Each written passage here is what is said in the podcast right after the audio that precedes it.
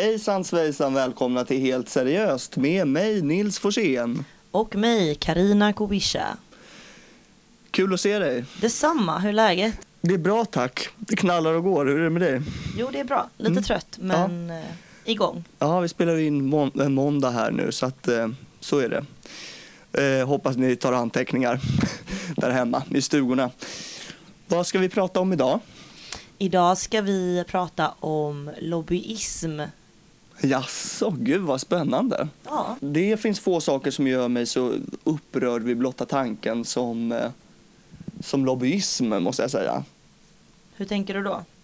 Ja, det är typiskt näringslivet att hålla på med sånt eh, fulspel hela tiden. Jag bara tänker på eh, Svenskt Näringslivs till exempel, de här olika skattefakta, politikfakta, olika Facebook-sidor som är helt galna och håller på med fake news och alternativa fakta.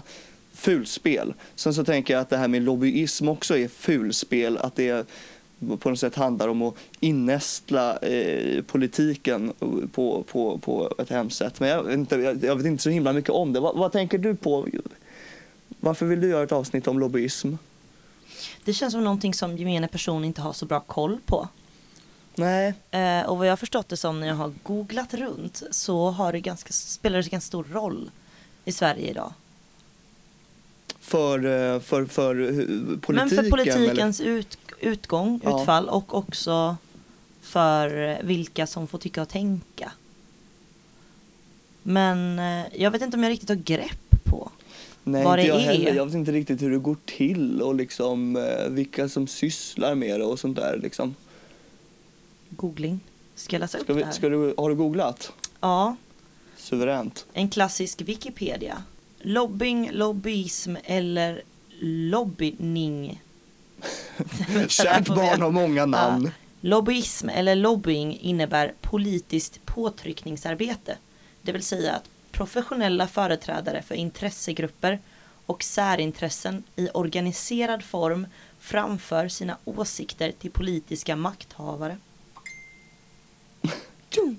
Just det, och men, men då kan man ju faktiskt eh, kalla LO eh, för lobbyister också då. Eller en eh, människorättsaktivistgrupp eh, eller eh, en teater som tycker saker om kulturpolitiken och försöker boka ett möte och påverka politiker och, och, och sådär. Ja, enligt den här definitionen så har det att göra med hur pass organiserad man är. Mm. Men jag tänker att den, den känns lite lös den här. Ja, att göra ett avsnitt om hur små olika aktivistgrupper försöker påverka politiker, det, det, det blir jag inte lika upprörd över. Liksom. Vi kanske ska försöka foka på, på näringslivets De eh, lite lobbyism. större maskinerierna. De som kanske möjligtvis har litet snäppet mera makt än, än liksom, eh, Greenpeace eller, eller eh, en feministisk aktivistgrupp eller Kommunal eller Krösus Sork helt enkelt. Det är det jag vill veta hur Krösus Sork har sina äckliga sorkfingrar inne i spelet. Det vill jag veta. Men bra. Ehm, jag tänker att vi, ehm, vi ber om lite hjälp. Ja. Av vem? Eh, vi har en eh, man på tråden vid namn Sigurd Allen. Yeah. Härligt, då släpper vi in honom.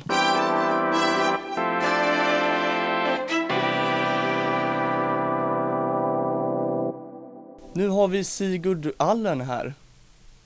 Ja, Välkommen. tack. Vem är du? Eh, jag är eh, norrman, eh, professor i journalistik vid Universitetet i Oslo i många år, gästprofessor här i Stockholm. Jag har bott i Sverige sedan 2008, så eh, så har jag ju intresserat mig också mycket för svenska politiska och samfundsmässiga förhållanden. Och vi har bjudit in dig hit för att du har skrivit en rapport för det fackliga idéinstitutet Katalys.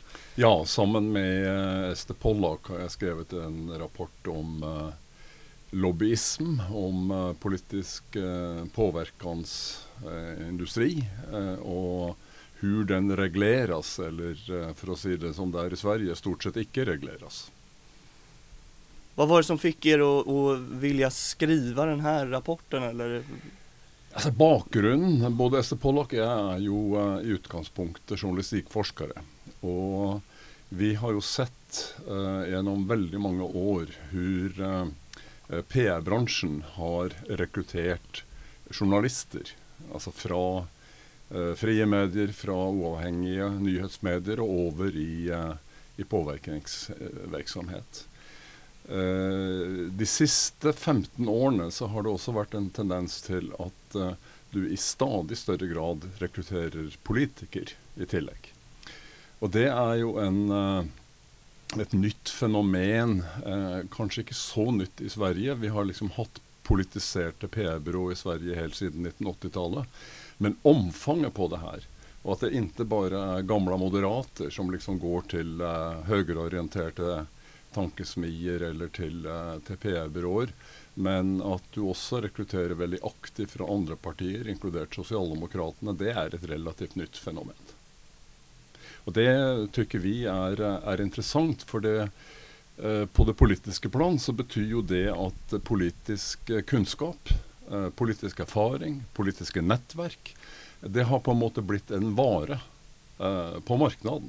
Du kan liksom selge der du har investert Eh, eller rørelsen har investert i deg, kan du nå privat selge på en marknad eh, når du takker farvel til eh, den offisielle politiken. Du säger att det här är ett, ett eh, relativt nytt fenomen. Liksom. När, hur länge har vi haft det så här? alltså, PR-byråer har ju uh, funnits i Norden, i Sverige, Norge helt sedan uh, 1950-talet. Men uh, du kan si at gjennombruddet for en ny type av eh, uh, PR eller public relation-bransje det kom uh, på slutten av 1980-tallet. Og det henger nok sammen med et annet samfunnsfenomen. Uh, eh, nemlig det som blir kalt avkorporativisering. med korporativt samarbeid så henviser en jo ofte til det organiserte samarbeidet mellom staten og interesseorganisasjoner. Eh, F.eks. Eh, eh i dag Svensk Næringsliv og LO og staten kan sette seg ned og eventuelt bli enige om noe, eller ha en fast, permanent komité. Det er det klassiske korporative samarbeidet. Men dette brøt jo borgerligheten i Sverige med Svenska arbeidsgiverforening ut av tidlig på 90-tallet. De sa liksom nei til dette trepartssamarbeidet. Og uh, eh, efter det så har du hatt uh, eh, Eh, korporatismen finns ju fortsatt många elementer av, men den är mycket svagare idag än tidigare. Och som ersättning har du fått eh, den mer som direkta privata lobbyismen. påtryckarverksamhet, men informellt och utan transparens, utan att du helt vet vad som sker bak kulisserna. Hur går det här till då? Vad, vad, hur går det till, lobbyism, på, från näringslivet? Alltså på, på, hvis du frågar en, eh, en eh, PR-konsult eller en, uh, en som jobbar i en intresseorganisation och lignande så vill jag selvfølgelig si att alltså lobb, lobbyvirksomhet i en sån mer sån amatörförstånd, det har du ju alltid haft. Det har varit till att du kan tillåta dig att kontakta din riksdagsledamot, inte sant? Du kan ta en, eh, skriva ett brev eller du kan ta ett, pröva att få ett möte med en, en i regeringskansli om en sak. Alltså den typen ting är ju mycket gammalt. Och det väl, har väl aldrig varit representerat eller sett på som något speciellt problem, men mer som en del av det ordinära demokratiet. Du kan liksom kontakt, ta kontakt med en politiker.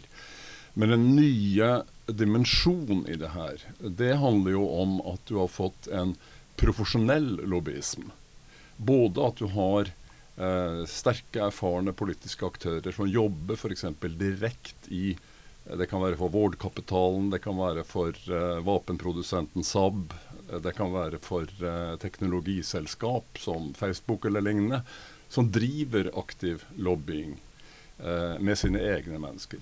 Och så har du ju fått detta nya fenomenet med PR-byråer som är specialiserade på så kallad public affairs. De brukar ju ofta engelska ord här. Mm, men det är ju liksom så kallat eh, påverkning och samhällskontakt. Eh, og det jo det som har gitt et, et, en ny jobbmarknad rett og slett for politikere. Vilka, vilka politiker är det här? Har du några bra exempel?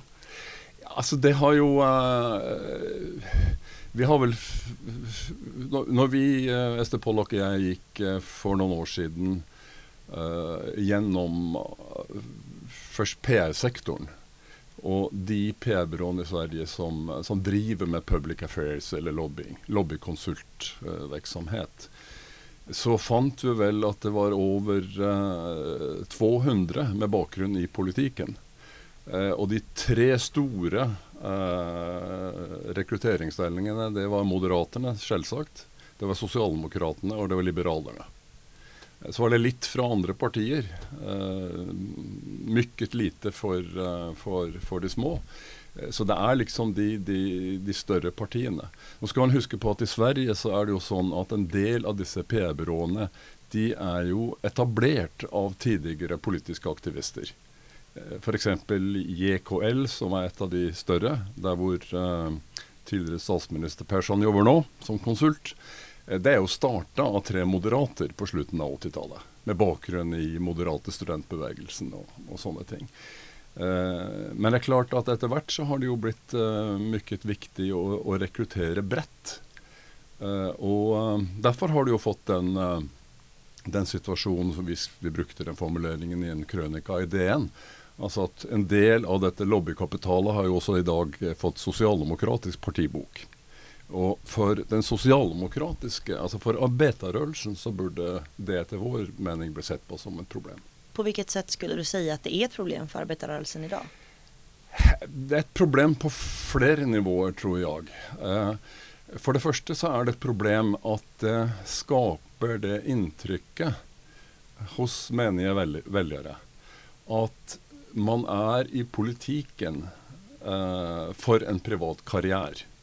En er der ikke for å støtte opp om en rørelse, en er der ikke med noen lojalitet f.eks. til arbeiderrørelsen, men en er der fordi det gir en utmerket plattform for uh, eh, høye stillinger i næringslivet, en god jobb, millionjobb hos SAB eller et internasjonalt uh, eh, konsortium som selger uh, eh, tjenester. Og det er klart at altså når jeg kom til Sverige, så var det jo fortsatt begynte å reise her mye i 2004-2006. Da var det sosialdemokratisk regjering. Uh, jag var också i Bryssel på några konferenser och jag var på ett uh, i förbindelse med ett toppmöte och där var ju de två ledande svenska politikerna. Det var ju uh, Göran Persson och Per Nuder. Jag var på en presskonferens med, med båda två.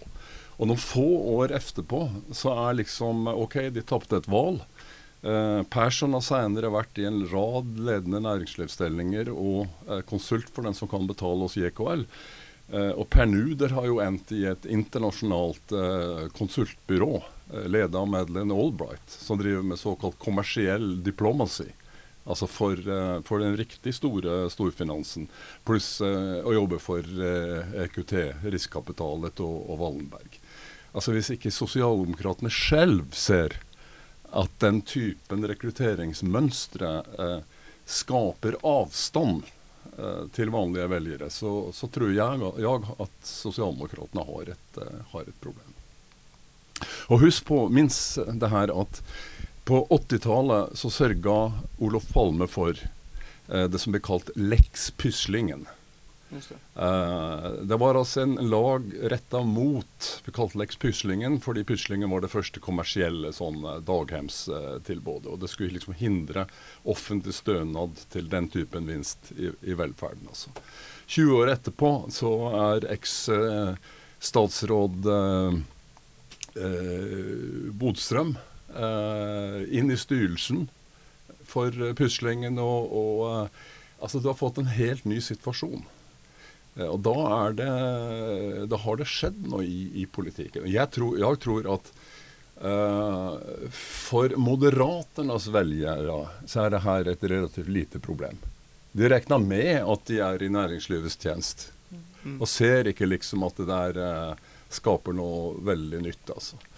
Men for, uh, for folkerørelser, for arbeiderrørelsen og, og, for de partiene som knytter an til arbeiderrørelsen, så tror jeg at velgerne ikke har den samme oppfatninga at det der er vel helt, det er vel helt greit. altså. jobbe for LO eller jobbe for storkapitalen, det er liksom ett fett. Nei, det er ikke ett Precis. Så det har alltså inom socialdemokratin också skett en moralisk förskjutning kan man säga?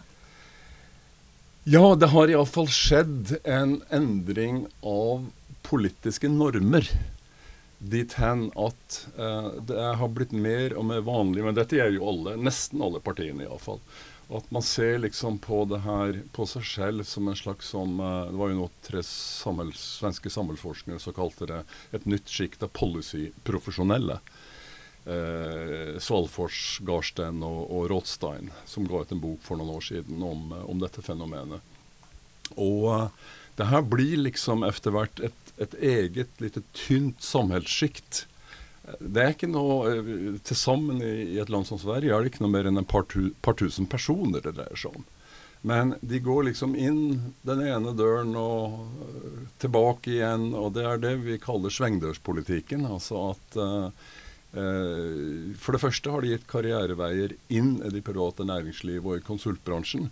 Men for det andre så blir jo til og med regeringsställningar og statssekretærer og, og, og, sånne ting rekruttert tilbake.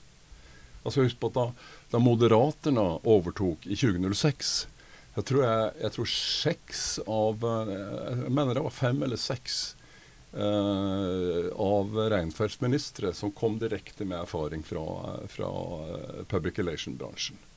Eh, og Det sier liksom nå om hvilken betydelse det her sjiktet har fått innenfor svensk samfunnsliv. Og Det er eh, noe som samfunnsforskerne bare så vidt har begynt å på en måte se på og diskutere konsekvensene av. Hur ser det ut liksom i Sverige jämfört med, med andra länder? Är vi, är vi liksom sämre eller bättre? Eller? Nej, alltså Sverige detta är ju, eh, Det är klart detta är ju, alltså Kommersiell lobbyism det, det, är ju något som du ser i, i många mange land, och som uh, først selvfølgelig var långt mer utvecklat i ett land som USA, till dels också i England, än det har varit i de skandinaviska länderna. Alltså folkrörelserna har ju varit extremt mycket starkare i de nordiska länderna och, och fortsatt så är det ju sånt at, uh, eh, at det er ikke i Sverige det er mest utvikla. Men eh, Uh, utviklingen i Sverige har gått veldig snapt det siste, siste tiåret i den, uh, i den samme retningen. Du kan si at det, det, Sverige har vært litt spesielt på, det er jo den totale mangelen på transparens og regulering. Altså, uh, Hvis man skal være litt sjarmerende, så kan man si at Sverige har vært et, et, av de mest naive landene når det gjelder å drøfte konsekvensene av det her. fordi at eh, Altså nå i vår fikk vi jo eh, från fra regjeringens side en mye forsiktig eh, ny sånn regel om at eh, eh, den som går over i en mm, typisk sånn lobby-påvirkningsstilling etter eh, å ha vært statssekretær eller statsråd, skal liksom ha en karantän på, på, ett år. Men detta är ju foreløpig i Sverige en, det ska ju vara en frivillig sak. Uh, det betyder alltså att en politiker kan ge fan i det. Han blir kanske kritiserad för det, men det är liksom inte någon straffmekanism. Och ett år känns inte på så himla länge. På ett år, nej, ett år är ju närmast en semester. Eh, efter ett hårt år i politiken så är det ju många som tar det som en semester. Alltså. Så de flesta som uh, diskuterar det här, uh, lobbyforskare internationellt, vill väl, uh, men det blir, det blir ju en politisk och normativ fråga. Men ska det vara någon stor effekt så bör det nog ha minimum två år, kanske tre. I Kanada är det för exempel fem. Eh, uh, og uh, eh, du bør ikke bare ha statssekretærer og statsråder, men du bør også ha eh, uh, rådgivere i toppstillinger. fordi at de har mye kunnskap og mye stor innflytende, og burde vært omfatta av det her. Og merk deg, det her er jo ikke en lag som, som handler om å, å hindre at en menig riksdagsledamot har kontakt med sina väljare eller inte kan ha en jobb här eller där efter att ha varit riksdagsledamot.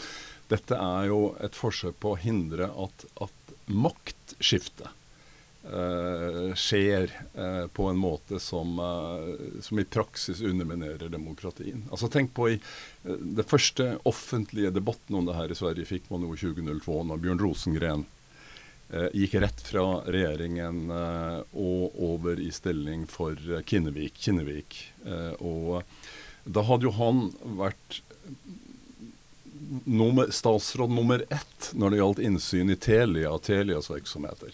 Så går han alltså till Kinnevik og som äger eh, Tele2. Och med all den kunskapen, och han går, kunde gå direkt från den ena dagen till den andra.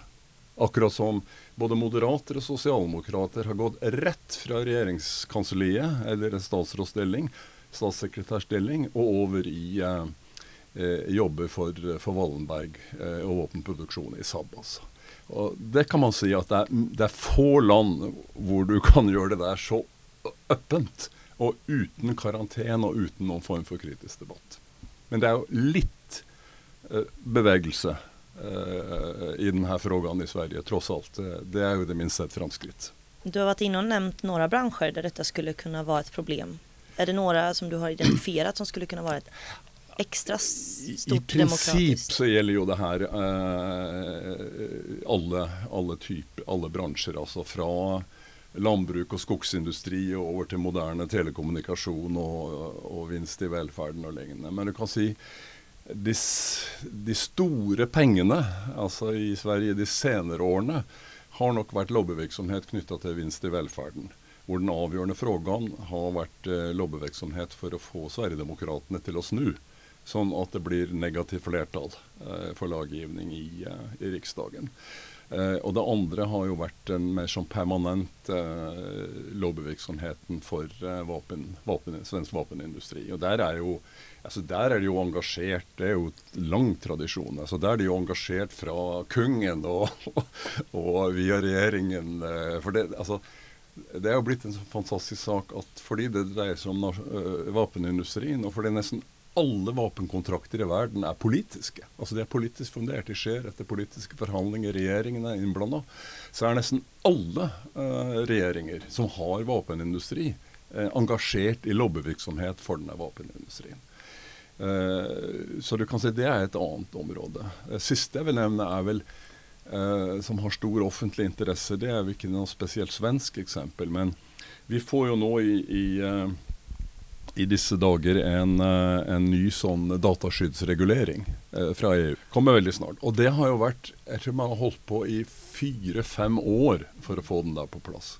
Och det har varit, eh, Det kommer mycket bra med den, och det är mer strikt, och det är ett det är ett framskritt. Men det har ju skett efter intens lobbymotkamp från Microsoft och Yahoo och Facebook och Google, eh, som har sponsrat eh, tilsynelatende sådana små lobbygrupper som inte är storkapitalens agenter, eh, til å drive direkte påtrykkervirksomhet. Og de har jo levert forslag på forslag til eh, medlemmer av EU-parlamentet og lignende. Altså utredning på utredning. Så, du, så, det her handler jo om altså Det må man forstå når det gjelder lobbying. At lobbying kan være eh, proaktiv i den forstand at du lobber for å la oss si, få en bevilgning, eh, att få en, en, ny lag som eh, gynnar eh, en samhällssektor och sådana ting. Men mycket lobbying handlar ju om att hindra ting, stoppa ting.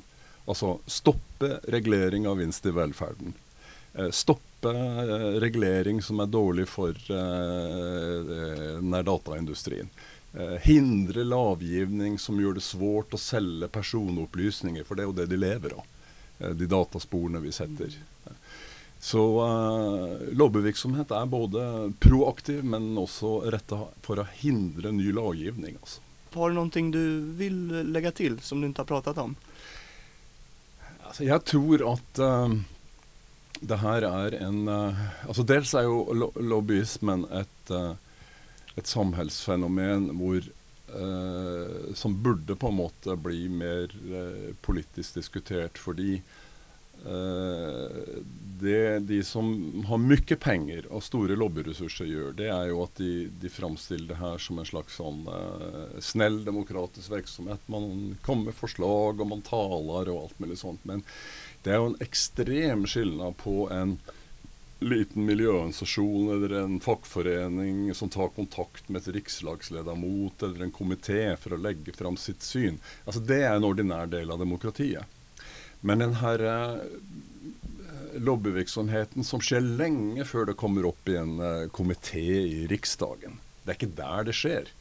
Altså det, er, det her handler jo om eh, tette kontakter som inte är öppna för offentligheten, som är bak kulisserna och som, som ofta sker flera år för det här blir en sån diskussionssak. Alltså. Så jag tror att eh, Eh, og få mer offentlig diskussion runt det, få längre karensregler eh, och få, eh, få transparens. Eh, jag kan vara helt enig i att eh, om vi får veta eh, om det blir en, en, en, en, registrering av vem som tar kontakt med eh, i regeringen, eh, i, i, i regeringskansliet med olika partigrupper så löser inte det sig i sig själv något problem. Men det ger möjligheten till att följa upp för journalister, för folkliga organisationer och liknande. Så, så därför är det här med öppenhet, transparens eh, och lite tuffare regler, eh, det är i alla fall något som, eh, som gör, vill göra problemställningen synlig för, för människor och för partierna och för eh, aktivister. Och det vill vara en god ting. Okej? Ja, Då bra. Tack. Ja. Tack så Kul att du var här. jättemycket.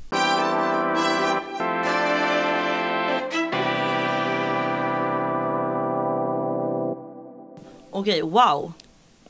Ja, du fick man lite mera kött på benen. Det kan man lugnt säga. Och jag blir lite mörkrädd också måste jag säga. Det känns ju för det första väldigt, väldigt märkligt att det här är en fråga som inte får mer uppmärksamhet. När Ja, man just pratar om, om demokrati liksom. Mm. Och liksom, eh, ja och, och framför allt när i demokratin håller på att börja ifrågasättas både från liksom högerextremt håll och från eh, men också från något slags etablissemangsliberalt håll när man till exempel säger att folk är för korkade för att, folkomrösta om, om eh, EU-medlemskap eller vad det nu kan handla om. Alltså demokratin är, är hotad och, och förtroendet för demokratin minskar och det kanske inte är så konstigt om det politiska skiktet är liksom korrupt på det här sättet. Ja men precis. Just, just det här han nämnde att det är en så pass liten del av alla människor i Sverige exempelvis då som de facto gör skillnad i vad vi får för utfall i olika politiska beslut. Ja, och i, i, i synnerhet då om eh, partierna inte är några folkrörelsepartier längre utan, utan eh, det är den här klicken av någon form av policyprofessionella då som också mm, bara är det, både i politiska och näringslivets sammanhang. Ja, man känner sig lite lurad. Som, som en folkrörelsefanatiker så vill man ju uppmana människor till att gå och rösta. Men som en krass cyniker så känner man ju att man vill uppmana dem att bli PR-konsulter. ja, om de nu vill åstadkomma politisk förändring. Ja, Oj, det var ju deppigt. riktigt deppigt. Ehm, ja, och man liksom... pro- Så här, politikerförakt är ju ett eh, stort problem. Liksom. Ehm, det, blir, det, blir, det hjälps ju inte av en, en liksom situation och kultur där, där eh, det de facto är så att, att, att liksom, eh, politiker står väldigt långt bort från eh, medborgare. Och, Sen så finns det ju jättemånga bra politiker som verkligen inte sysslar med det här men det känns som att eller det är ju en, en, en, en trend och, och går i den här riktningen. Nej men precis, och det finns ju inte heller några begränsningar på det här i Sverige. Vi snuddade ju lite med Sigurd på eh, det här med eh, att regeringen ändå kommer med någon form av eh, förslag här för, att- för, att, för att göra, försöka göra någonting åt att politiker och högt uppsatta politiska tjänstemän inte ska kunna bli, bli lobbyister hur som helst. Ja men precis, man pratar om att men sätta en liten kil i de här eh, svängdörrarna mellan Mm. näringsliv och politik. Man har väl lagt fram något ganska försiktigt förslag får man väl säga. Jag tänkte att jag kunde läsa upp regeringens förslag. Ja, du har med det där ja. Jag har med det här, har jag skrivit ut. De lämnar på någon form av remiss, lagrådsremiss, lämnar regeringen ett slags förslag som de kallar för att rubriken här på regeringens hemsida är karens införs för statsråd och statssekreterare. Eh, och då är det så här va, att två slags övergångsrestriktioner föreslås gälla för statsråd och statssekreterare från och med den 1 juli 2018. Vill de att det här ska gälla. Så från i sommar då? Ja, just det, precis. Mm. Men det de föreslår här då är 1. En karenstid på 12 månader införs för statsråd och statssekreterare om ett statsråd eller statssekreterare vill påbörja ett nytt uppdrag, ny anställning eller näringsverksamhet inom karenstiden ska en särskild nämnd pröva frågan. 2. En ämnesrestriktion införs som innebär att den enskilde inom ramen för ett nytt uppdrag, ny anställning eller näringsverksamhet inte får befatta sig med vissa särskilda angivna frågor under karenstiden. Även i detta fall är det nämnden som beslutar. Som Sigurd alla nämnde innan så var ju 12 månader en ganska kort tid. Det hinner ju inte hända jätte, jätte, jättemycket. Nu är det ju kanske underminera eh, det politiska arbetet som förs i Sverige men det, han nämnde ju att det skulle behövas två, tre år i alla fall för att det skulle få en sann effekt tanken med karantänen är ju att man ska liksom cool off. Mm. Och man hinner kanske inte cool off på 12 månader. Nej. Eh, det är därför jag, eh, ja, som vi enas om, tycker, alltså, tycker att det är ett ganska ja, men, snällt, om man ska uttrycka sig diplomatiskt, förslag. Det, det innefattar ju inte kommunpolitiker exempelvis. Nej, det gör det ju inte. Nej, det är bara regeringspersoner. Eh, och det finns ju människor som jobbar i utskotten i riksdagen som har del av väldigt mycket ja, matnyttig många. info som näringslivet skulle tacka och ta emot. Ja, precis. Och liksom överhuvudtaget, alltså fler, fler liksom eh, politiker och politiska tjänstemän än, eh, än, utes, än bara liksom ministrarna och cheferna för, för departementen. Ja, det är de allra högsta hönsen liksom. Ja. Eh, och det är väl också de som, som man kanske eh, generellt sett känner till liksom att, att Göran Persson blev, blev, blev lobbyist eller, eller han, vad heter han, Peje Emilsson, moderat eller liksom så Som, som, eh, men, men jag menar, vad jag förstår är väl det här ett mera utbrett problem än så. Alltså fler, fler politiker än bara de allra högsta hönsen och politiska tjänstemän eh, som, som ingår i det här som, som eh, Sigurd pratade om eh, det här politiska eh, skiktet som, som allt mer blir en symbios mellan liksom, näringslivseliten och eh, eh, alltså som blir konsulter och politiker lite om vartannat sådär. Ja, det omfattar ju fler och även så, lite doldisar och sådana som, som eh, gemene person inte har någon koll på vem det är men som ändå har ganska mycket makt i, i, i eh, politiken. Sådär. Absolut. En grej som jag däremot tycker är väldigt bra det är att man inte bara eh, har eh, pinpointat förtroendevalda i förslaget utan att man också har tjänstemän. Mm. För jag tror att många människor i Sverige idag glömmer bort att tjänstemännen eh, är ju inte, för, inte valda Nej. men har en väldigt, väldigt mycket reell makt i hur strukturen är uppbyggd i Sverige idag. Jag har själv inte sett särskilt mycket debatt om det här, måste jag säga. Antingen så ligger väl jag under en sten eller så har det inte varit så mycket debatt. Alltså, om vi tänker vilka som har varit de så stora lobbyistmaskinerierna ja. som jag har liksom nåtts av så har det varit kanske om vinster i välfärden mm. eller att man ville undvika en vinstbegränsning och så vidare. Där Vårdförbundet och sådana här stora näringslivsjättar har varit inne och försökt ja, men stämma träff med politiska aktörer. Och vad jag har fått intryck av är ju att varken Sverigedemokrater eller större borgerliga partier ser ett problem med det här utan att marknadskrafters inverkan på politiken kanske snarare är en fråga som upprör vänstern. Och eh, det är väl ingen hemlighet att vi inte har ett parlamentariskt läge som är gynnsamt för vänstern. Vi har ingen majoritet. Men har du hört något, eh, någonting från högerhåll som har sagts i, om detta? Ja, men det är också diskussioner kring hur, eh, ja men exempelvis LO och Socialdemokraternas nära samröre Mm. genom åren har ju likställts med lobbyism många gånger. Och det är det. väl i ordets allra renaste benämning. Det är ett organiserat politiskt påverkansarbete. Fast en, alltså, jag, ehm, Sigurd pratade ju om liksom övergången till mer lobbyism i Sverige och pratade om att det var liksom, vi har gått från korporativism Mm. till lobbyism. Jag föreställer mig att LO, sossarna, samarbetet är mer av en slags korporativ modell.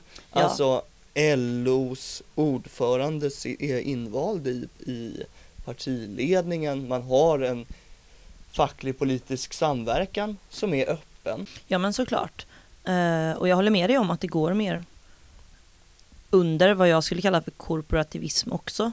Men skulle man gå in i den här semantikträsket om man så vill och börja peta och märka ord så har jag ju märkt när jag har gjort eh, googlingar och frågat mig omkring att det är den här typen av eh, en kritik som kommer liksom. Mm. Ja men du då, kolla på LO.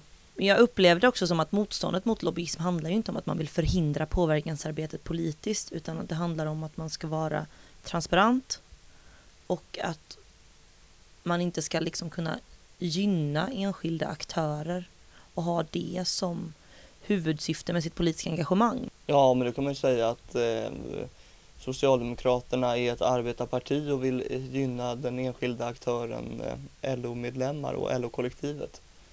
Borde, Ja, och det är väl skillnaden mellan att vara jag vet inte, det korporativa någonstans. Alltså att det handlar någonstans om ett alltså större kollektiv.